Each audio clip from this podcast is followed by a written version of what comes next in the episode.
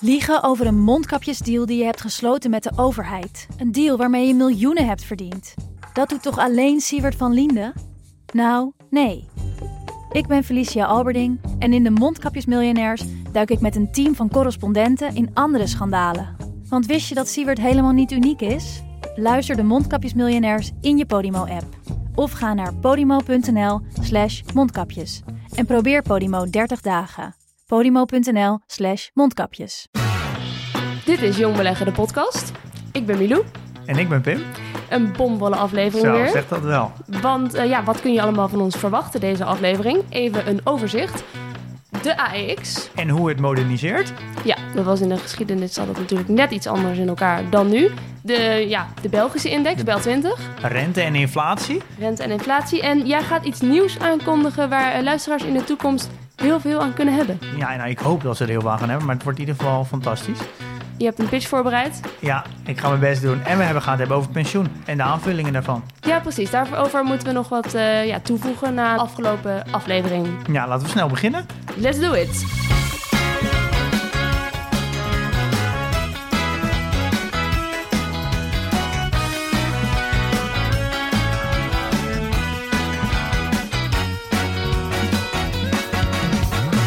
...71 euro, Pim. Zo, ja. Ja, hoe voelt dat?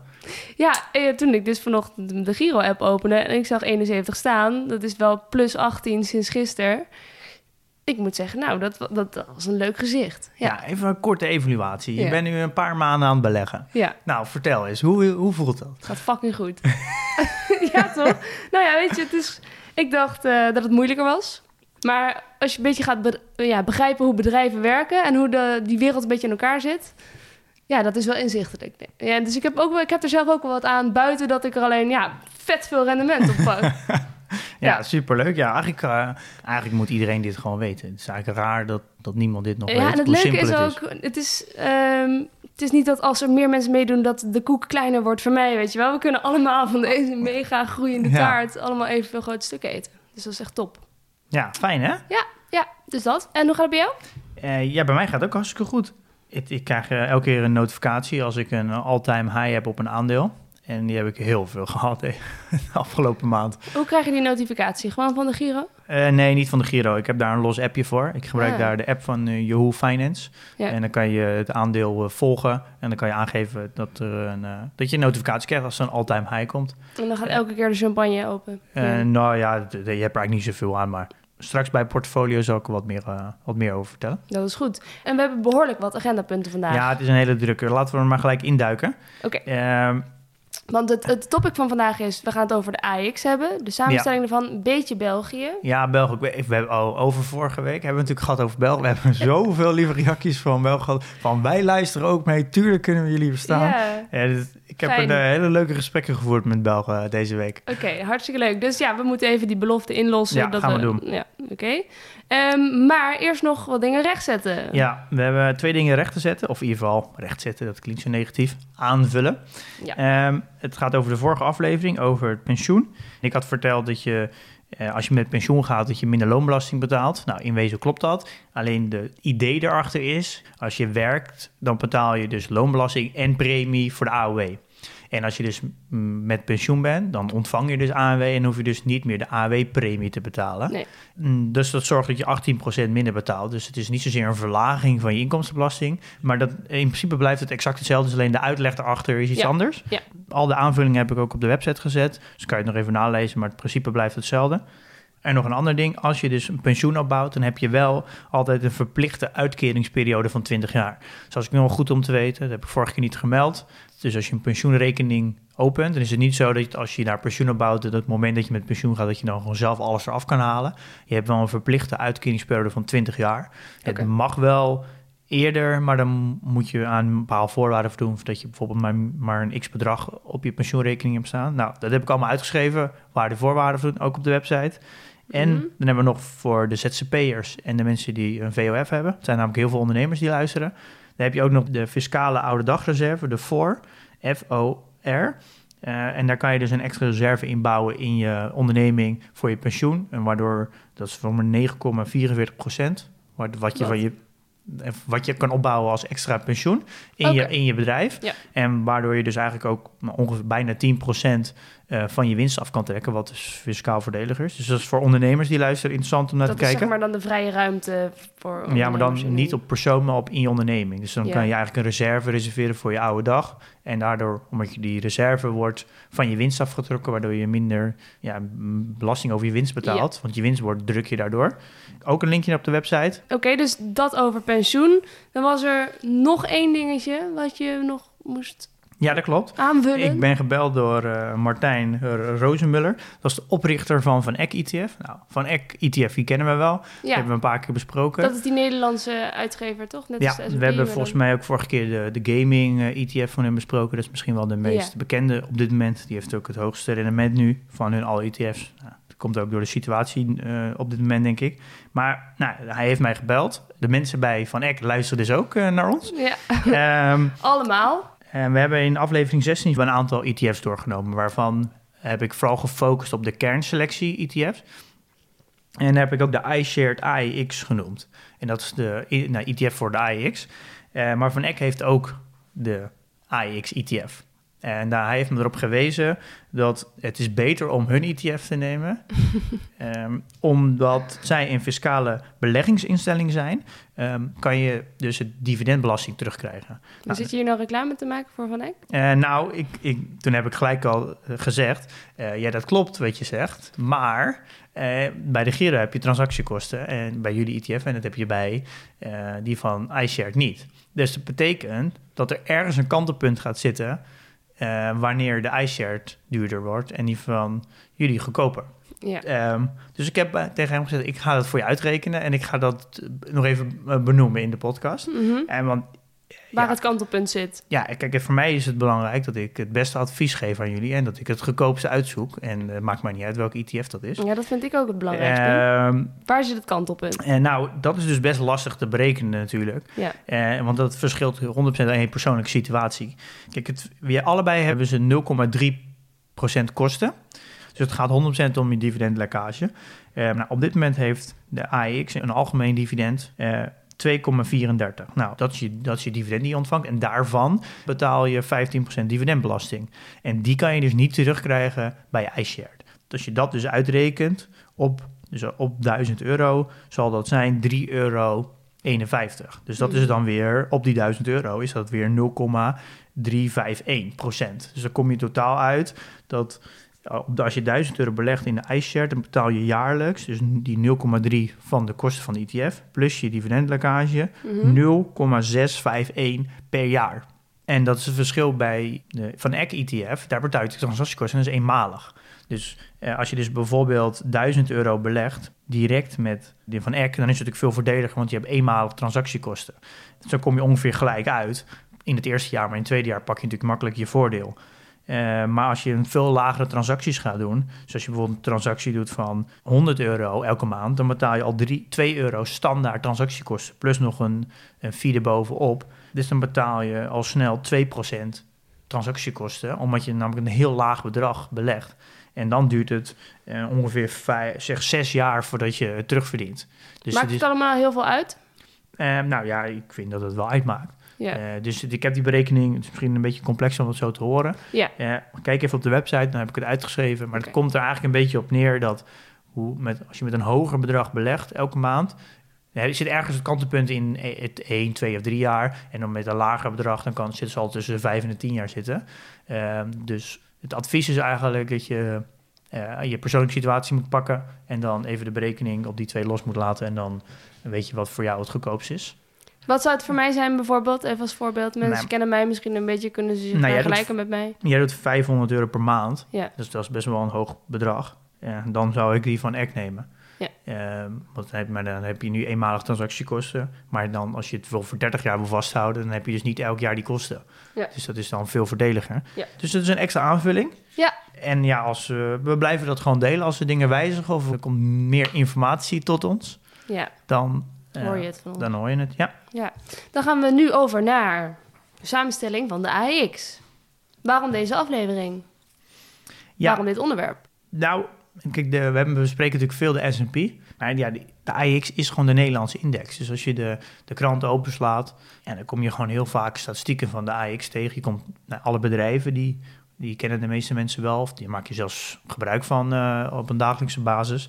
Het is wel goed om meer te weten over de AEX. Ik vind toch wel dat je altijd wel in je portefeuille een aantal Nederlandse bedrijven moet hebben.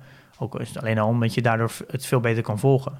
Dus ja, daarom uh, is het ja. goed om uh, de AX. Het is toch onze Nederlandse beurs? Ja, ik voel me eigenlijk ook schuldig dat ik daar nog niks in van in mijn portefeuille heb. En inderdaad, we hebben het eigenlijk alleen maar over de S&P 500. Omdat ja, waar de portefeuille vol van is, daar loopt de mond van over. Dat is het eigenlijk. Maar de AX, ik ben heel benieuwd. Dus we gaan even doornemen wat, wat er allemaal in zit. Nou, om misschien even goed nog even, voordat we erin duiken... is misschien wel even goed zeggen, wat houdt nou de, de AX in? Ja. Het heeft 25 bedrijven... En er is, vindt twee maal per jaar een herweging plaats. Dat is wel belangrijk om te weten. Want we hebben drie verschillende indexen in. Nederland. De small, de mid en de large cap. En het- je moet het een beetje zo zien. Het is net een voetbalcompetitie. De onderste, die vallen eraf. De bovenste, bij de, de competitie eronder gaan, die promoveren. Nou, Ja, en waar, waar kijken ze dan naar? Want bij voetbal kijk je naar scoren, doelsaldo, weet ik veel wat. Maar waar kijken ze precies En naar? je kijkt eens naar marktwaarde. Oké, Eh, dus als een bedrijf bijvoorbeeld onderaan de AX een marktwaarde heeft van 100 miljoen en de hoogste in de midcap heeft bijvoorbeeld 200 miljoen, dan wordt dat geruild. Ja.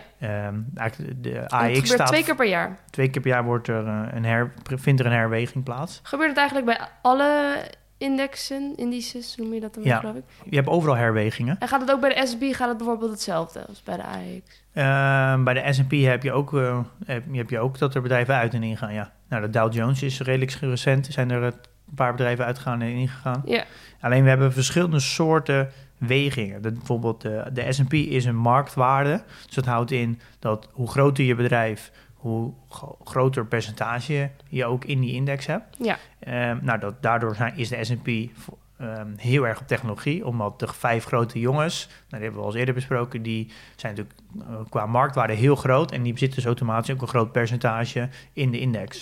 ja. Je hebt bijvoorbeeld de Dow Jones, ooit bedacht met de 30 bedrijven die samen de Amerikaanse economie vertegenwoordigen. Ze noemen dat ook wel de Dow Jones Average.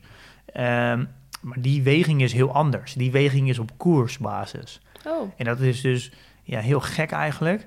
Eh, dus bijvoorbeeld nu Apple heeft een eh, stoksplit gedaan eh, in vier. ja. Waardoor het eigenlijk op de koersprijs is vier keer minder waard geworden. Waardoor het automatisch in de Dow Jones ook een weging heeft vier keer minder. Oké. Eh, maar dat is eigenlijk de enige index die een heel andere weging heeft. Maakt dat nog iets uit? Nou, ik vind het namelijk wel heel erg uitmaken, de weging. In de AX zit 25 bedrijven. Nee, 25 is niet veel. En die weging is dus heel belangrijk. Want als je weging gaat doen 100% op marktwaarde... dat betekent dat je zomaar 10, 20% kan zitten in één bedrijf. Dan neem je dus best wel veel risico als je alleen maar in de AX belegt. En daarom hebben ze wel wat regels in de AX... om die grote jongens een beetje wat kleiner te maken. En dat is eigenlijk bedoeld in het verleden door Shell en Unilever. Shell was vroeger natuurlijk heel groot. En die was, als je het op marktwaarde zou doen... zou je misschien wel 30% van de AX is dan Shell. Waardoor Shell eigenlijk de hele AX beweegt dan door Shell. Ja, En dat wil je natuurlijk voorkomen. Ja. Ehm, dan hebben ze wat regels toegevoegd, zoals 15% weging maximaal. Ehm, en daarnaast wordt er ook gekeken naar hoeveel aandelen zijn er nou vrij verhandelbaar in Nederland. Nou, bijvoorbeeld Shell en Unilever die zijn ook actief in Londen. En dan, wat ze dan doen is hoeveel aandelen zitten er in Londen, hoeveel aandelen in Nederland. En dan pakken ze het percentage aandelen in Nederland. En dat, dat percentage pakken ze ook de marktwaarde van. Dus ze pakken niet de volledige marktwaarde Nee. van Shell, maar alleen de vrij verhandelbare aandelen in Nederland. oké. Ehm, het is misschien wel goed om te zeggen dat de 10 grootste posities verantwoordelijk zijn voor 80% van de index. Dus als je dus alleen maar belegt in de AEX, dan heb je dus eigenlijk een, ja, eigenlijk heb je dus een portefeuille maar, van tien. Ja. En ik heb natuurlijk heel vaak in mijn portefeuille overwegingen over ik heb regels dat ik maximaal zoveel procent per bedrijf wil en ik wil goede spreiding over sectoren. Dus let er wel op dat als je alleen maar in de AX zit, dat je dus ook geconcentreerd zit in een paar sectoren. En je mist bijvoorbeeld wel autobouwers, luxe merken, ook geen farmaciebedrijven. Dus wat is bijvoorbeeld ook de grootste sector in de AX? Uh, eh, nou, dat is informatietechnologie, dus de technologie. Okay. Eh, 22, 6 procent. En dat is natuurlijk heel interessant. En daarnaast hebben we ook nog luxe consumentengoederen. Eh, ja, ik vind dat die namelijk ook onder technologie vallen, want dus ze hebben namelijk de takeaway en eh, process proces hebben ze ingedeeld in de luxe consumentengoederen. En dat zijn de thuisbezorgd, uh, dus eigenlijk de, de maaltijdbezorgd. En ik vind dat eigenlijk technologiebedrijven. Dus als je dan die bedrijven erbij zou tellen, dan zou je dus een exposure hebben tot technologie van 30% in AX. Eh, nou, dat vind ik dan wel weer netjes. Dus Dat zegt ook wel weer over dat de AX is best wel goed gepositioneerd is voor de toekomst. Wat dat betreft wel. En dan hebben we ook nog de basisconsumptiegoederen, dat is 20%. En de industriële bedrijven eh 12%. De, de basismaterialen 8% en financiële dienstverlening 8, maar 8, maar dat was dus vroeger echt heel hoog. En dan gezondheidszorg 7 en dan co- communicatiedienstverlening 1 en eh, de retail niet eens 1%. En het is wel grappig om te zien dat we in 2010, dat is 10 jaar geleden, Ja. hadden we dus maar 4% in technologie. Wow. En we, Dus dat zitten, en we zitten nu op, eh, 30. op, nu op 30. Ja, maar dat is natuurlijk die spreiding. Dat verandert natuurlijk ook door de jaren heen. Want technologie wordt nu steeds belangrijker. En net zeg je dus over financiële dienstverlening. Hoe zag dat er bijvoorbeeld als je 15 jaar geleden of zo, hoe zag dat er toen uit dan? Ja, dat is wel grappig. Dat 15 jaar geleden had je dus ING, Egon, Fortis en ABN AMRO. Dat zijn die financiële dienstverleners? Ja, die waren dus met z'n vieren bij elkaar verantwoordelijk voor 40% van de index. Dat is bijna de helft. Ja, bijna de helft. En nu? Acht. Ja, 7,7. Wauw, ze raken Ja. totaal gemarginaliseerd. Ja, de Fortis bestaat niet eens meer. Eh, ik heb een heel mooie afbeelding op de website gezet. En dan Mhm. zie je de, de AX-verloop in 20 jaar. Eh, het is heel leuk om dat verloop te zien. In principe is het niet heel gek natuurlijk, want ja, als je je vraagt hoe heeft de wereld zich eh, ontwikkeld de afgelopen 15 jaar, dan zie je dat gewoon terug in de grafiek. Maar er zijn niet, niet alle indexen in Europa zetten deze trend door. Hoe bedoel je? deze trend van het digitaliseren, de informatietechnologie Dat omhoog zie je niet bij alle Nee, zeker niet. Eh, nou, bijvoorbeeld België heeft dat totaal niet. Oké. Eh, eh, iedereen gaat daar wel langzaam naartoe, maar eh, niet zo snel als Nederland. Ja. En de S&P bijvoorbeeld is natuurlijk ook een extreem technologiegedreven index ondertussen. Ja. Ja. Oké, da- daarover, dus ook België, daar straks ook meer over. Maar ik had nog wel een vraag over ehm, die spreiding. Je hebt het nu over de spreiding over sectoren. Maar ik zie ook achter sommige bedrij- bedrijven in dat lijstje van AX dat je me stuurde, land China of land Frankrijk. Ja. Ik dacht, hoe, ja, hoe kan dat? Het is dat- misschien een domme vraag, maar Ja, nee, ja, dat, dat is een, eigenlijk een hele slimme vraag. Want je zou zeggen, Ja. het is een Nederlandse index. Ja. Hoe kan het zijn dat we ook een spreiding is in andere landen? Ja. Nou, het is eigenlijk heel simpel. De AX heeft een, een eh, exposure tot 71% tot Nederland. En 18, dus bijna 19% naar Engeland. En dat Ja. is eigenlijk vrij logisch, omdat Unilever en Shell ook gewoon een gedeelte eh, eh, Engels is. maar wat en zit er dan in China? China zit Prosus. Wat is dat voor bedrijf? Prosus is een holdingmaatschappij dat een aandeel heeft in heel veel thuisbezorgdiensten, waarvan de grootste is Hmm. Tencent. En Tencent is de grootste thuisbezorgdienst in China. En het is echt heel groot. En daarom heeft eigenlijk de Nederlandse index een 6% exposure naar China. Maar Proces is een Nederlands bedrijf oorspronkelijk. Nee, het is Ik snap een- het niet. Wat heeft het dan met AX te maken? nou, omdat het namelijk op de AEX verhandelbaar is. Het is oorspronkelijk volgens mij een Zuid-Afrikaans, maar het is genoteerd in Amsterdam. En het heeft het kantoor in Nederland. Dus het hoeven niet per se Nederlandse bedrijven te zijn. Nee, dat hoef ik AX helemaal niet, zolang het maar Nederlands... Dat is- handelbaar zijn. ja, zolang het maar Nederlands genoteerd is. Aha. Eh, daardoor hebben we dus automatisch ook een exposure Frankrijk door Unibail Rodamco Westfield, omdat het een Frans bedrijf is. En ook België door eh, Galapagos, dat is een Belgisch bedrijf. Oké, ja. En we hebben nog in Luxemburg, ik weet eigenlijk niet welk bedrijf in Luxemburg zit. oké. Eh, weet ik eigenlijk niet. Nee. Ehm, dat is dus wel interessant om, als je dus belegt in ETF's, dat- om ook gewoon goed te kijken naar waar beleg ik überhaupt in. We hadden net al gezegd dat 80% is de eerste 10 bedrijven. Nou, Ja. bijvoorbeeld ASML 15%, Unilever 12%, Royal Shell 10%. Dus dan zit je eigenlijk al met die eerste drie bedrijven die ik net opnoemde, dan zit je dus al op 37%. Ja. Kan je je wel afvragen van, ja, wil ik eigenlijk wel in Shell zitten bijvoorbeeld? Mhm. Want dan zit je gewoon voor 10% in Shell als je de AX belegt. Eh, en kijk of je daar wel achter staat. Tuurlijk. Dus ja, dat is de, de AX. Ik denk dat wij wel een hele mooie index hebben. Ja. Jammer dat die zo klein is. Het liefst wil je natuurlijk eigenlijk een iets grotere index hebben. Richting de 40, 500. 40, 50 bedrijven wel. Het zou eigenlijk wel fijner zijn. Dan heb je een ja. veel betere spreiding. Het nadeel is van kleine landen. Ja, landen hebben vaak een hele specifieke sector waar ze heel goed in zijn. Ja, precies. Dus hier missen we ook een paar sectoren in. En daarom vind ik eigenlijk altijd dat je alleen maar in één index in een land, dat je eigenlijk geen genoeg spreiding hebt in. Europa. Oké, Ehm, dat is goed om te weten. ja, er zijn ook wel weer indexes die over Europa gaan, zoals de, de s- Ja. Stock eh, 50. Dan heb je de grootste bedrijven in Europa. Dus je hebt ook weer ETF's over Europa. Oké. Als je toch in Europa wil blijven. ETF's in alle soorten en maten. Ja. Oh ja, en nou als laatste nog over de AEX. Er is ook nog een, een, een andere AEX, eh, dat noem je AEX-GR. En dat Mhm. is gross return. En dat houdt eigenlijk in dat om het rendement van een index goed te berekenen, heb je natuurlijk koerswinsten en je hebt dividendinkomsten. Maar dividendinkomsten zitten natuurlijk nooit in de koers. Nee, Eh. En daardoor geeft het eigenlijk een heel vertekend beeld van het rendement van een index. Nou, nu op dit moment heeft de AX 2,7 volgens mij eh, dividend. Eh, dat betekent eigenlijk dat je ja, altijd 2,7 op jaarbasis meer hebt dan wat de koers aangeeft, omdat je dat Mhm. ontvangt. En hebben ze dus een gross return index opgezet om te laten zien wat als je dus zou beleggen in de AX en je gaat het dus dividend direct herbeleggen, wat voor effect dat heeft. En het voordeel daarvan is dat je daardoor eigenlijk de compounding ziet.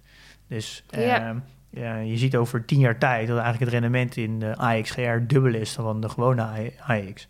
Om te laten zien dat je als je je rendement, je ontvangen dividend herinvesteert, krijg je dividend op dividend. Ja, Eh, Ja. Dan krijg je compounding, exponentiële groei. dat snap ik. Maar is dit dan alleen om dat te laten zien dat die va- variant er is op de AX? Ehm, soms willen mensen hun eigen portfolio vergelijken met het rendement van een index. ja, En dan, moet je dat eigenlijk kijken. doen met de AXGR. Ja, Want als ik, ik beleg, herbeleg gelijk met dividend. En als ik dan ga vergelijken met de gewone AX, ja, dan heb ik sowieso altijd een hoger rendement. En, maar dat is natuurlijk een oneerlijke vergelijking. en daardoor hebben ze ook die index in het leven geroepen. Om je ook een, een betere vergelijking te zien hoeveel rendement heeft de AX nou daadwerkelijk gehaald. Dus als je typt op Google AEX spatie GR spatie koers en drukt op enter, dan krijg je een mooi grafiekje. En dan kan je, als je dan eh, daarnaast AEX spatie koers typt, dan heb je dus twee verschillende grafieken. Eh, en dan kan je ze mooi naast elkaar leggen en kan je zien eh, wat het verschil is. Ja. En dan zie je ook dus heel mooi de kracht van het herinvesteren van dividend. compounding. Yes. Eh, Oké. Kunnen we dan naar België nu? Ja, België. Ja, dat is eigenlijk een, eh, een kleiner land. Ook automatisch, het heet Bel 20. Nou, 20 aandelen. En het is een beetje hetzelfde in België als in Nederland. De 10 grootste posities hebben 80% van de index. Het grappige is wel dat de Belgische index heel veel exposure heeft tot Nederland. Ongeveer 18%. Oké. En dat is wel grappig. En de grootste, bij far de grootste, is eh, AB InBev. Nou, Oh ja, dat de- is eh, van... eh, ja. ja, dit is de grootste brouwerij in de wereld. En maar ja, als je naar de rendementen kijkt, de performance. eh, in de afgelopen 10 jaar doet de Belgische index 33% rendement. En de AEX doet 64% rendement. 64%. En dit is op allebei berekend zonder dividend. Dus niet de gross return. Ik kon geen gross return vinden van België, even snel.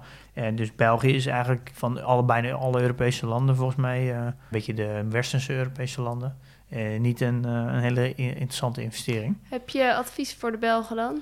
Nou ja, ik heb ook even gekeken naar, naar de sectorverdeling en dan zit je financiële dienstverlening 34%. Nou ja, wij zeiden net dat 40% in 2005. Ja. Het, is, het voelt een beetje alsof Ze lopen achter in de ja, tijd. het voelt een beetje alsof dit de AX is, maar dan tien jaar geleden. En, en ze hebben dan één technologiebedrijf, en dat is 1%. En dat doet ook nog eens display-technologie. En dat is dus ook nog een ja, oude technologie met hardware. En dus het is niks software, het is niks web-based. Dus ja, nou, als je natuurlijk ja, je beleggen gaat over rendement in de toekomst. Ja, ik zie niet zo heel veel toekomstperspectief in, eh, in de Belgische index. Oh. Helemaal nu dat we zo'n extreem, alle rendementen komen van technologie. Want daar zit, zit groei in farmacie en technologie. En dat zit eigenlijk allemaal niet in, echt in België. Ehm, Wat een hard oordeel, Pim. dus ja, als, als ik Belg zou zijn, dan zou ik niet eh, heel veel focus hebben op de landelijke index. En als je naar je eigen eh, portfolio kijkt, hoeveel bedrijven uit die AEX heb jij dan zelf? Ja, ik heb toch eigenlijk best wel wat bedrijven uit de AX nog. Ik kan ze even opnoemen. Ja. Dat is de ASML, Unilever, Shell, Adyen, Ahold, eh, Vijf zitten. Just Eat Takeaway Zes. eh, en eh, Galapagos. Oké, zeven. Ja, dat is eigenlijk best wel, eh, best wel veel. Ik, heb daar wel, ik heb, ben wel blij met mijn, mijn Nederlandse bedrijven, behalve Shell. Daar ben ik wat minder blij over. Ja, Shell is een grote misser. Eh, Hoezo dat nou weer? nou, omdat hij gewoon een heel lager rendement heeft. ja, gewoon flink in de min. Ja, Eh, oké. Eh, maar de rest eh, doe ik het eigenlijk, heb ik toch wel aardig wat winnaars van de AX. Ja. maar het, je kan al zien, dat zijn eigenlijk allemaal consumptiegoederen. defensief, dus Ahold en Unilever. Nou, die heb ik dus net voordat rond de coronacrisis gekocht. Dus ja, dan weet je dat mensen natuurlijk naar boodschappen gaan doen, dat dat altijd blijft.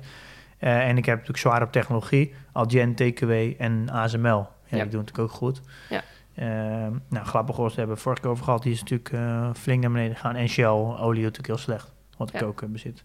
Hoe gaat het nu trouwens met Galapagos? Want daar hadden we het vorige keer kort over. Ja, nee, ja, dat, ehm, dat zakt gewoon nog even lekker door. Oké, ja, dat heeft wel echt de weg naar beneden gevonden. Ik, die zit wel lekker. Ehm, Oké, dan kunnen we door. Normaal gesproken zouden we nu naar het nieuws gaan. Maar eh, volgens mij heb jij eerst nog een nieuwtje.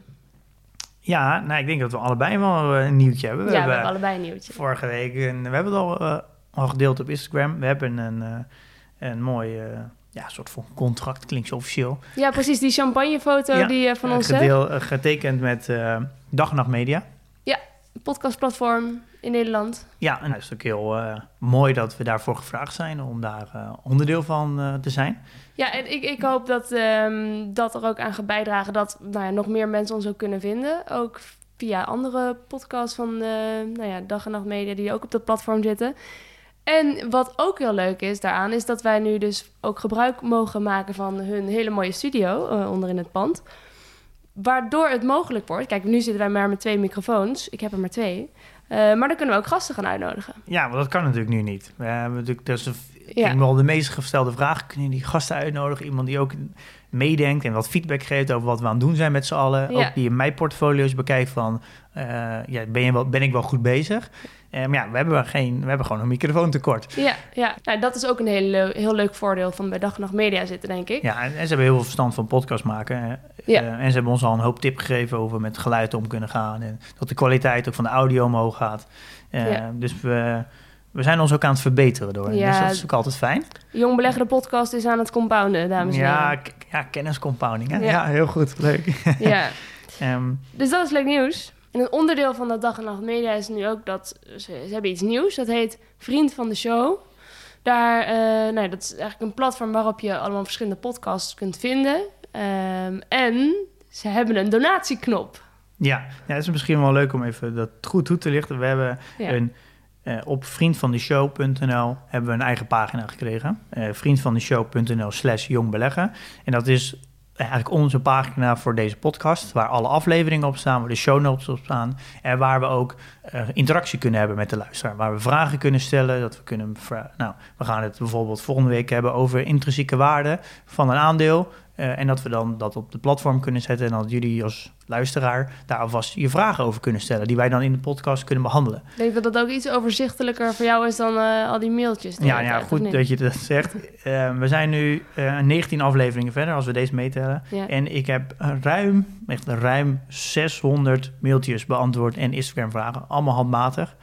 Neemt eh, explosief toe ook echt. Ja, nou, meer luisteraars betekent ook meer reacties. Ik merk dat het wel heel veel begint te worden. Ja, en dan moet je ook nog de- deze podcast daarnaast voorbereiden. Ja, eh, ja er zijn nu 5.500 mensen die meekijken in mijn portfolio. Zelfs gisteravond laat, tot één uur deze podcast voorbereid. En er zaten gewoon iets van 45 mensen mee te kijken. Ja, Ehm, eh, en ook wel leuk om te zeggen dat we nu al over de 3,5 miljoen minuten zitten. Mhm. Eh, ik- ja, stel je het voor, 3,5 miljoen minuten. Zijn, zijn er naar ons geluisterd? Eh, ja. ja. ik moet er zelf niet aan denken. Maar als die mensen er zin in hebben, dan moeten Ja. ze dat vooral ja, we zitten al op de 35.000 luisteraars per maand. Ja, het is bijna overweldigend. En ja, het is een hoop. En ik merk ook wel, ja, dat, dat is misschien wel grappig om te delen. Ik, op mijn LinkedIn, ik word echt heel veel bekeken door mensen van ING, de ABN AMRO en de Rabobank en vermogensbeheerder. En ik heb een beetje het gevoel dat, ja, weet je, wij zijn wat aan het ontmaskeren of zo. Dat we in die sector nu iets blootleggen wat, wat, wat eigenlijk nooit gebeurd is. En dat nu iedereen, de gewone...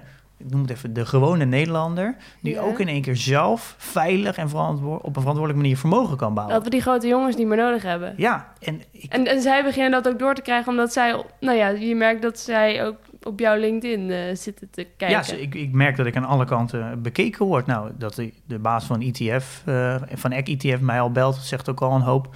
Dus ik, ik, Ja. heb, ik voel dat wij, het voelt een beetje wat aan het ontmaskeren zijn. Eh, wij en met jullie ook natuurlijk als luisteraar. We zijn een soort van guerrilla-beweging in Ja, de jungle van de grote beleggerswereld eigenlijk. Ja, ze voelt het een beetje. En om maar even terug te gaan, waarom zijn we deze podcast begonnen? Is dat ik had een, gewoon heel veel beperkingen, merkte ik, om verstandig te kunnen beleggen. Ik kon geen Mhm. informatie goed vinden, ik kon geen inzicht krijgen in andermans portfolio. En dat is de reden waarom we deze podcast zijn begonnen. En dat is ook, een, ja, je gaat een beetje ook in die rol komen. Het voelt een beetje bijna als een missie. nu dat ik aan heel Nederland ga vertellen, dat, en vooral aan mijn eigen generatie, dat je op een hele veilige manier goed vermogen kan opbouwen. Want Ja, zal ik anders zal ik een cape voor je breien? Lijkt dat je wat? Nou, dat klinkt wel cool. En Ja. ook zo eentje voor mijn ogen. ja, het is, het, het- ik snap eigenlijk niet waarom dit zo lang lang moet duren voordat dit be- publiek bekend is geworden. En ook misschien nog wel een ander ding om te zeggen, wat ik dus achter ben gekomen.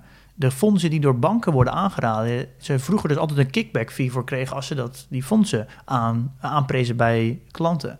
Waardoor eigenlijk de dure fondsen altijd aan de klanten werden geadviseerd. Nou, de kickback fee is nu verboden. Maar er wordt natuurlijk op een andere manier vast nog wel een compensatie gedaan. Dus ik begin Mhm. steeds meer te begrijpen nu waarom het allemaal zo duur is bij Ja, die er banken. wordt geld aan verdiend natuurlijk. Ja, ja. ja, dan moeten wij gewoon eh, met z'n allen van afstappen en Ja. onze eigen koers varen. Ja, Nou, nee, maar daarom is het dus echt heel goed dat jij, denk ik, ook hier al jouw ervaringen over deelt. Ik vind ook eigenlijk dat je er best wel bescheiden in bent. Ik vind ook dat, nou ja, nu je, je steekt er zoveel tijd in, je helpt echt iedereen persoonlijk. Ik vind dat echt, nou ja, super lovenswaardig. Ik weet niet of ik dat alles tegen je gezegd had, maar bij deze. Maar ik vind ook dat er misschien wel wat tegenover kan staan. nou, eh, Niet voor mezelf, want ik stel hier alleen maar de vragen, maar gewoon, ja. nou, wat ik, ik heb natuurlijk wel gedacht van wat moet ik hier nu mee? Ik merk dat het wel steeds drukker begint te worden. Ehm, ja, ik ben ook ondernemer, dus ik, ik denk ja, ik wil hier wel wat mee. En ik een beetje gekeken wat, wat kan ik dan doen. En dan kom je natuurlijk heel snel in de traditionele dingen uit. Dan kan ik een cursus verkopen. Of ik kan een betaalmuurtje creëren. En dan kan ik mijn, mijn portfolio achter een eh, muurtje zetten. Ja, klinkt super sympathiek. Waarom Ja, niet? en dan denk ik, ja, dan ben ik eigenlijk onderuit aan het halen waarom ik deze podcast ben begonnen. En dus dat was voor mij eigenlijk allemaal helemaal geen optie. Ik, ja, dan probeer ik dus eigenlijk ja, te kijken, wat kan ik dan verder doen? En dan kom je toch al heel snel uit bij, wat kan ik dan meer heel goed? Dat is productontwikkeling. Nou, ik begrijp software heel goed. Ik heb twaalf jaar lang software ontwikkeld. En ik heb een, een Excel gebouwd om eh, je portfolio in te managen. En ik heb eigenlijk de laatste weken onderzocht of ik mijn portfolio kon ombouwen naar een platform, een product. Ehm, ik heb in mijn netwerk gekeken naar de, de beste designers en de developers waar ik in de afgelopen eh, tien jaar mee gewerkt heb. En ik heb ze benaderd of hun daarvoor openstaan. Mhm. Ehm, en wat ik wil gaan doen, ik wil een product gaan bouwen, een web-based platform, eh, waar mensen op een hele eh, veilige manier een eigen portfolio kunnen samenstellen. En dat houdt eigenlijk in dat de basis van het platform is dat je inzicht krijgt in al je aandelen. Het is heel simpel, je laat al je transacties in, eenmalig. En dan wordt er automatisch worden al je transacties ingedeeld in de sectoren, in de valuta, in de regio. Dan kan je ook nog je strategieën scheiden. Dus heb je gewoon in één keer, in een split second, inzicht in je volledige portefeuille. Ja. Dat je op een, op een goede manier je, je portefeuille kan managen. Maar dat is er dus nog ook helemaal niet. Nee, dat vind ik zo gek dat is er in Nederland niet. Er zijn wel Amerikaanse bedrijven, eh, maar die hebben allemaal geen Nederlandse bedrijven erin. Alleen bijvoorbeeld Shell Unilever zit er soms wel in, maar de rest eigenlijk niet. Mhm. En het ding is, die, die producten zijn heel duur. Eh betaal je vaak wel honderden euro's voor. Maar de toegevoegde waarde is wel dat je mega veel inzicht krijgt in ja, je eigen portfolio. Nou, ik heb ongeveer zeven maanden over gedaan om mijn Excel te bouwen. En ik, ik, heb, ik heb gewoon die Excel nodig om mijn belegging te kunnen managen. Als ik, anders heb ik geen overzicht in welke sector ik exposure heb, in welke valuta, en hoeveel dividend ik ontvang. Eh, en dat ga ik allemaal bouwen naartoe. En ik wil nog een stapje verder gaan, dat is de basis. En wat ik wil gaan doen, is dat als je eh, wil starten met een portfolio bouwen, eh, wil ik ook dat je, dat je samen met die tool, want die software kan veel meer dan wat wij kunnen via audio. eh, dat, dat, je, dat de software jou helpt om een portfolio samen te stellen. Nou, je kiest bijvoorbeeld een dividendstrategie. kan je profielen kiezen hoeveel exposure je ongeveer tot bepaalde sectoren wil. En dan krijg je targets. Dan gaat het systeem jou helpen om te zeggen van nou, je, moet, je hebt een laag exposure tot technologie en je target is 10%. We adviseren je nu om het volgende aandeel te kopen in de technologie. En dan kunnen Ja. we dat profiel samen over alle andere jongbeleggers heen leggen. En dan kan je kijken dus welke bedrijven hebben alle andere luisteraars, zodat je ook inspiratie kunt opdoen Ja, precies. Je kan ook van anderen leren. van van anderen leren. En ik Ja. wil, wat mijn idee is, is nu leren we allemaal van mij. En Ja. ik wil een platform gaan creëren waar wij met z'n allen van elkaar gaan leren. De guerrilla's tegen de grote beleggers. Dus de, een beetje peer-to-peer eh, learning. Piraat-to-piraat learning, kun je Ja, het ook noemen. eh, wij, gaan onze met wij gaan onze krachten bundelen. ja. Ja, een product bouwen, dat, ja, dat doe je niet zomaar. Nee, maar ik vind het wel, kijk, dit, jij hebt natuurlijk dit hele idee, hè? Je hebt er ook al echt goed over nagedacht. Ik hoor het nu ook weer, nu ik zo naar je zit te luisteren. Maar het, het vette met jou is ook wel, ik weet nu ook dat jij dat gewoon kan maken. Jij hebt, nou ja, wat zei je net, 12 jaar ervaring in de digitale productontwikkeling, zoals het deftig heet. Jij kan zoiets bedenken en een goed idee hebben. Ik kan een goed idee hebben, kan ik er niks mee. Maar jij kan het gewoon ook maken. Dat vind ik wel vet. Ik heb er wel vertrouwen in, laat ik het zo zeggen. Ja, ja nou ja, dankjewel. Eh ik heb eh, aan mo- Je bent motivatie, zo bescheiden, Pim. aan motivatie ook geen gebrek. En eh, commitment ook helemaal niet. Nee. Ja, ja, ik heb heel veel ervaring in softwareontwikkeling. Ja, wat ik eigenlijk vraag is, eh, dit product is er niet, natuurlijk niet zomaar en het is vooral met software. Nou, dat merk je ook wel als je investeert in bedrijven. Eh, het is best wel flink een investering om software te kunnen bouwen, want je, ja, je moet al die tijd steken om het te designen en te developen en je kan het pas als het af is, kan je het eigenlijk pas gebruiken. Al kan je onderweg wel wat dingen testen. En wat ik wil gaan doen, ik vraag eigenlijk aan iedereen die dit product ziet zitten om te doneren. Eh, en, het is, en voor die donatie is het, kan je het ook doen omdat je de podcast natuurlijk heel vet vindt. Eh, en ja, omdat, via vriend van de show dus, ja, gewoon vrienden, leren. ja, vrienden van de show kan je doneren. En dat kan je doen omdat je de podcast heel leuk vindt. Eh, omdat je al heel veel waarde aan kennis terug hebt gekregen. Eh, Dat je Pim wil bedanken. eh, en omdat eigenlijk ons wat ademruimte biedt om die, om die show ook te verbeteren. Wat we zeker weten dus gaan doen. Eh, maar ja, ben je dus hier helemaal niet gevoelig voor? Voor deze praat en wil je gewoon een keiharde transactie? Dat snap ik, want we zijn ook allemaal natuurlijk gewoon beleggers. Ehm, ja, dan eh, heb ik ook iets voor jou. En dat is natuurlijk het product. Eh, en ik ga dus een portfolio dividend tracker bouwen. Dus het manage je portfolio en je dividenden. En je kan het ook nog eens tracken, dus volgen, de, Mhm. de performance. Nou, je krijgt een mooi een grafiekje hoe je performance van je beleggingen gaan. Eh, dus dan zie je het als een soort van Excel plus, plus, plus. Ja. Ehm, eh, als je dus doneert, 5 euro per maand, dan krijg je dus direct alvast een lidmaatschap in het product. Dat er nog niet is. Eh, dat er nog niet is, maar we gaan het heel iteratief ontwikkelen. Iteratief. Ja. Wauw. Eh, ehm, heel modern woord agile. We gaan het heel in stapjes ontwikkelen. Eh, dus je kan al vrij binnenkort ehm, willen we de eerste versie opzetten dat je een import kan doen van je transacties en dat je sectorverdeling krijgt en een mooi overzicht met fotootje van alle bedrijven. Dus ook Ik heb al een mooie snippet, ga ik op vriendenvandeshow.nl slash jongbeleggen plaatsen. Oké. Dus dan zie je ook waar je, waarvoor je doneert. En iedereen die nu ehm, al meedoet, die mag ook meedenken in het product. Je, ehm, je mag meedenken, je mag feedback geven, je mag het gebruiken.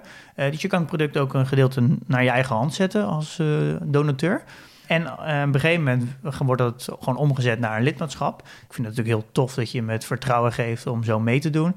Eh, kan ik je beloven dat het eh, voor jou ook altijd 5 euro blijft. En ik wil voor de eerste aantal mensen ook nog iets speciaals doen. Oh. het dan allemaal niet genoeg en jullie is. krijgen allemaal een speciaal plekje in mijn hart als jullie mij hierbij helpen. Ja. Ehm, Ja, help die jongen. Ik ben heel benieuwd wat het kan worden. En, En- ik heb ook echt vertrouwen in dat het je lukt. En wat ik ook leuk aan vind, het is eigenlijk weer net zo'n soort van portfolio-strategie wat je hebt. Je maakt dat helemaal openbaar voor iedereen om daarin te kijken. Wat je op deze manier eigenlijk ook doet, is zeggen van ja, het product moeten we nog maken. Maar je geeft iedereen ook wel weer daar inzicht in. En hoe dat gaat, het ontwikkelen van zo'n softwareproduct. Ja, en mensen kunnen ook, als je graag wil leren hoe softwareontwikkeling werkt, Ja. vanuit design, development perspectief. Eh, dus je wil je circle of competence uitbreiden om beter te kunnen beleggen in softwarebedrijven. Dit is wel een manier om een kijkje in de keuken te krijgen. Eh, Ja. Ik, we gaan je stap voor stap meenemen hoe het proces werkt. Ik eh, zullen ook dingen, misschien eh, videocalls plannen om, te kijken, om het product door te nemen. Kijken wat er allemaal gebeurt. Elke week krijgen we een update. Ik zal het ook in die show behandelen wat we doen. Transparantie, dat is vind ik een heel belangrijk ding. Eh, helemaal als men- voor de mensen die doneren. Ik laat ook gewoon zien wat voor kosten ik maak. En ik wil dat ook gewoon delen. Ja. Eh, dat ik laat zien dat ook alle donaties ook echt in het product gaan.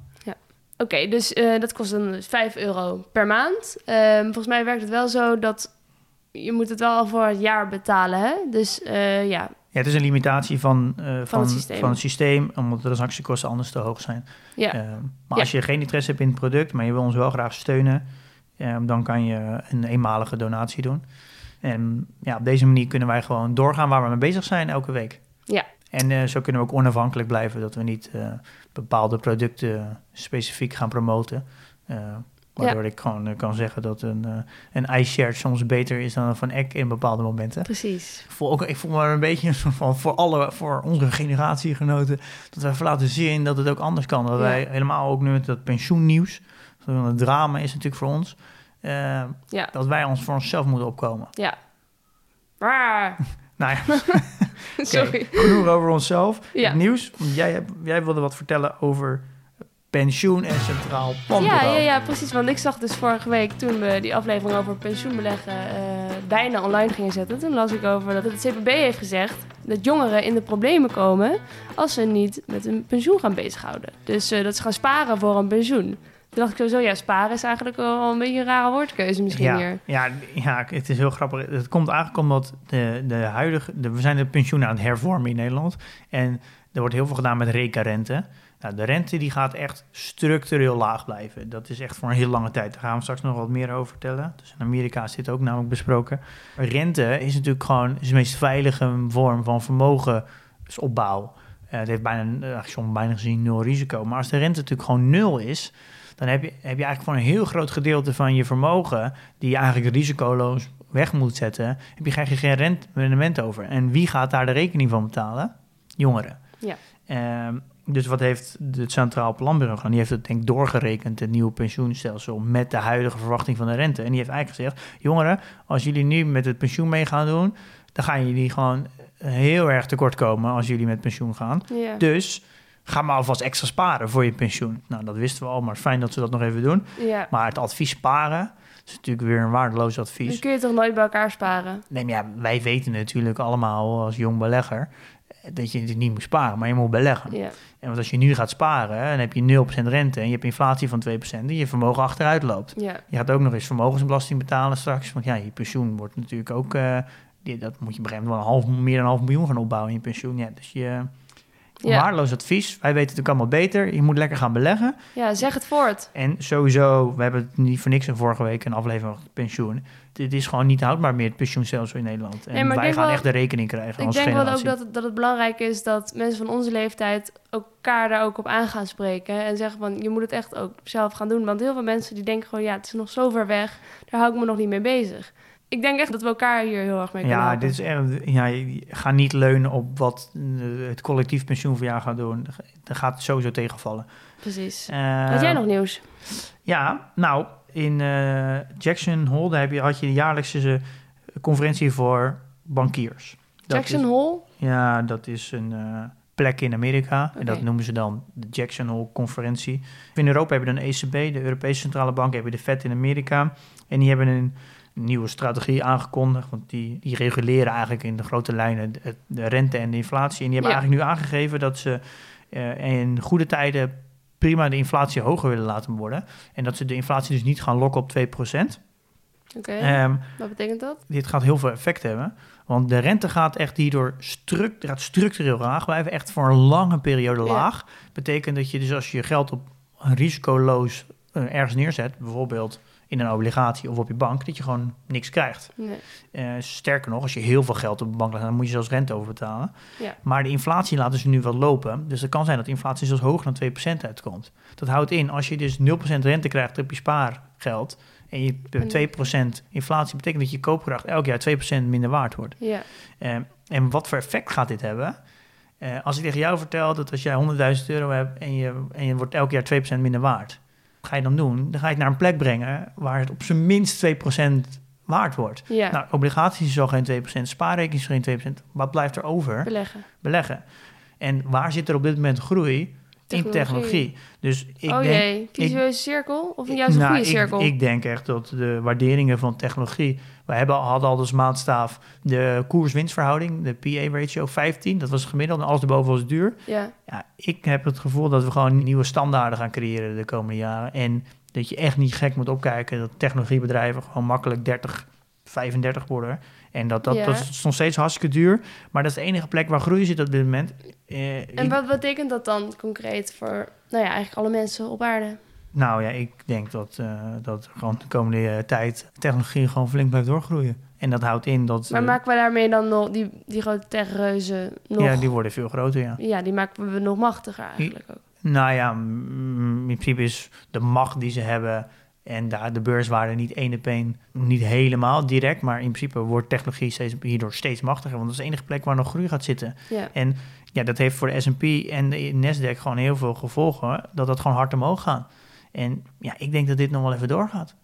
Uh, Hmm. Dit is dus best wel uh, groot nieuws. Ja, Uh, en dit heeft dus ook weer eigenlijk direct gerelateerd aan het Centraal Planbureau. Want de rente blijft door extra lange laag, waardoor de Centraal adviseert om zelf te gaan beleggen. Want het is allemaal in elkaar verweven. Dus ja, ik denk dat als je, nog, als je enigszins groei wilt de komende jaren, dat je gewoon in technologie moet gaan zitten. Oké, nou, goed. Dat zit jij gelukkig al eh, veel. Dus jij, jij gaat de goede kant op. Uh, ja, nou, ik, ik, je mer misschien merk je bij mij ook. Ik ben begonnen met 70% dividend, uh, 30% groei. En groei is vooral technologie. En ondertussen zit ik bijna 60-40. Ja, dat is natuurlijk vrij, ja, vrij logisch, want technologie groeit hartstikke hard en we dividend niet. Uh, maar ja, daar gaan we binnenkort nog wel eens verder over hebben. Is goed. Maar we hebben het nu eigenlijk ook al over portfolio. Dus, oh ja, mooi, mooi bruggetje. Ga door. Nou, geen transacties gedaan. Het is nu een nieuwe maand. Ja. En meestal blik ik altijd even terug op de vorige maand hoeveel dividend ik totaal ontvangen had. Versus de, ver de verwachting die ik had. Mm -hmm. Maar ik heb, ben ik eigenlijk vergeten. Maar ik heb volgens mij even uit mijn hoofd zo'n 260 euro ontvangen. Mijn portfoliowaarde is 159.100.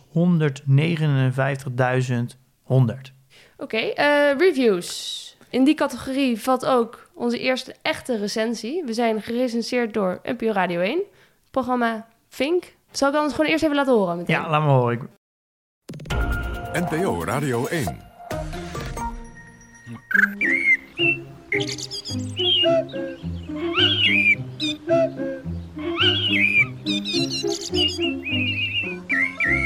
Welke podcast gaan we deze week bespreken? Stan. Jong beleggen. Besmet. Hoofdzaken en klooster in oorlogstijd. We beginnen met jong beleggen.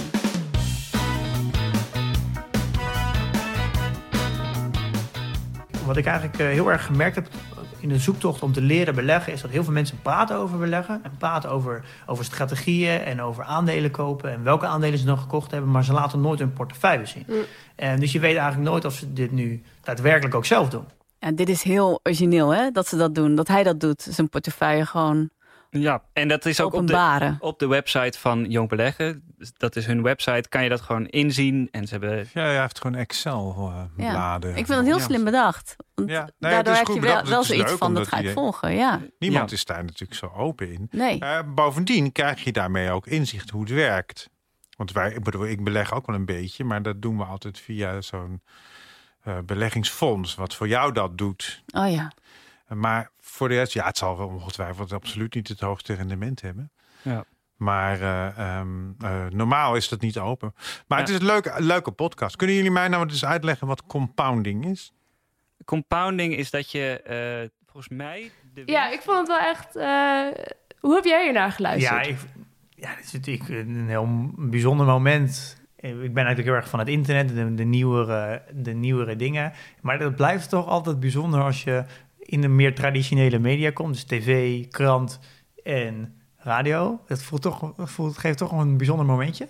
Eh, en het was ook niet, nu hebben we een klein stukje laten horen, maar het, het was ook echt tien, nee, ja, tien minuten of zo ging het over de podcast. Het was, Ja, en het was ja, best wel apart om te horen. En ik heb natuurlijk ook mezelf veel moeten terughoren in, eh, in die 10 minuten. Ja. Want ze hebben allemaal dingetjes uitgeknipt uit aflevering 1 en 2. ja. ik, ik kon er ook echt niet naar luisteren. Had, had je niet gewoon even aflevering 18 kunnen doen? Ja. Zitten we er veel lekkerder in. Ja, maar Ehm, ze waren wel heel positief. ja, ja, eigenlijk 10 minuten alleen maar positiviteit. Ja. Het is wel, eh, vond ik wel bijzonder om te horen. Ik had daarna echt een knalrood hoofd. Ik heb het met twee vriendinnen geluisterd, want ik kon mezelf ook niet toe zetten om het in mijn eentje te luisteren. Ik durfde het gewoon niet. Ja, ik wilde het ook gewoon ergens niet horen of zo. Ja, maar ja, nee. ja superleuk. Je kwam Eh, er heel goed vanaf. Je werd beschouwd als een groot talent. Ja, en het werd nog getwijfeld of ik een meisje of een vrouw was, maar dat, dat vind ik niet erg, want daar twijfel ik zelf ook nog wel eens over. Dus, Ah, Oké. Hoewel ik van de feministen die deze podcast luisteren natuurlijk moet zeggen dat ik een vrouw ben. En Jij mag zijn wie je wil zijn. Dankjewel Pim voor deze ruimte. nou, in ieder geval, dat was wel een, eh, een hele bijzondere review die we ja, hebben dat was gehad. een heel mooie verrassing. Ja. Je kan hem dus terugluisteren ook, hè, via Ja, nporadio1.nl. Ja, ik zet ook even een linkje op de website. Kan je alles terugluisteren. Maar Ja. ik weet niet of je dat zou willen, maar kan je hem vinden. Precies. Ehm, Ook nog een, een review voorlezen? ja, hebben we nog ruimte voor een andere review? Ja, wil jij hem voorlezen? Eh, nee, doe jij maar. Dat is mijn ding, hè? Um, nou ja, gezien deze aflevering dan toch al uh, een Belgisch tintje heeft, laten we dan ook nog even een berichtje nemen van onze zuidenburen. Uh, hey Milou en Pim, ik was een beetje verbaasd om het feit dat jullie schrokken dat er ook Belgen luisteren naar jullie podcast. Natuurlijk luisteren wij Belgen en we verstaan jullie uitstekend. Nou, heel goed. Pim heeft me ondertussen geleerd om een strategie uit te werken en me daar ook aan te houden. Als ik mijn potentiële strategie in mijn hoofd aangehouden had, was ik deze twee afgelopen maanden ongeveer 1000 euro rijker geweest met een relatief klein budget, namelijk 3000 euro. Waarschijnlijk beginnersfouten in combinatie met ongeduldig zijn. Jullie zijn goed bezig. Ik hoop dat jullie nog lang doorgaan, want ik steek er echt veel van op. Groetjes, Christophe. Dit is wel, wel eigenlijk de reden waarom wij deze podcast maken. Om mensen te helpen om uh, beter te beleggen. En uh, uh, dat hebben we blijkbaar gedaan bij Christophe. Nou, leuk berichtje in ieder geval. Ja. En nou, Christophe, maak je geen zorgen. We blijven zeker zo doorgaan. Zeker weten. Nou ja, even nog laatste tip. Dus kijk even op www.vriendvandeshow.nl slash jongbeleggen. Ja, ik zal de linkje ook even in de show notes zetten. Yes. En uh, dan gaan we het volgende week hebben over uh, intrinsieke waarde berekenen. Planten kunnen we het over hebben. De intrinsieke waarde van een schilderij. Lijkt dat je wat? Nou, de intrinsieke waarde van een schilderij is wel heel laag, denk ik. Hoezo? Nee, dat ja, weet ik veel. Wat is intrinsieke waarde? Daar gaan we het volgende week over hebben. Ja, gaan we volgende week allemaal uitleggen. Het is wel de, de dat zit, kom je erg in de value investing. En daar is Warren Buffett. Die hebben we al een tijd niet meer genoemd. Nee. Die man is trouwens, uh, die moeten we feliciteren. Eind vorige week was hij jarig. Oh. Hij is 90 geworden. Oké. En hij heeft ook nog eens heel stiekem een belang in de afgelopen 12 maanden gebouwd in vijf uh, Japanse bedrijven. Mm. Ook heel interessant. Dat moet ik eigenlijk ook nog even behandelen volgende week. Oké, is goed. Goed dat je Die man moet we wel een beetje levend houden. Ja, want hij wordt een beetje genegeerd de laatste ja, tijd. Ja, ja, gaan we doen. Oké. Nou, tot volgende week. Tot volgende week. Doei.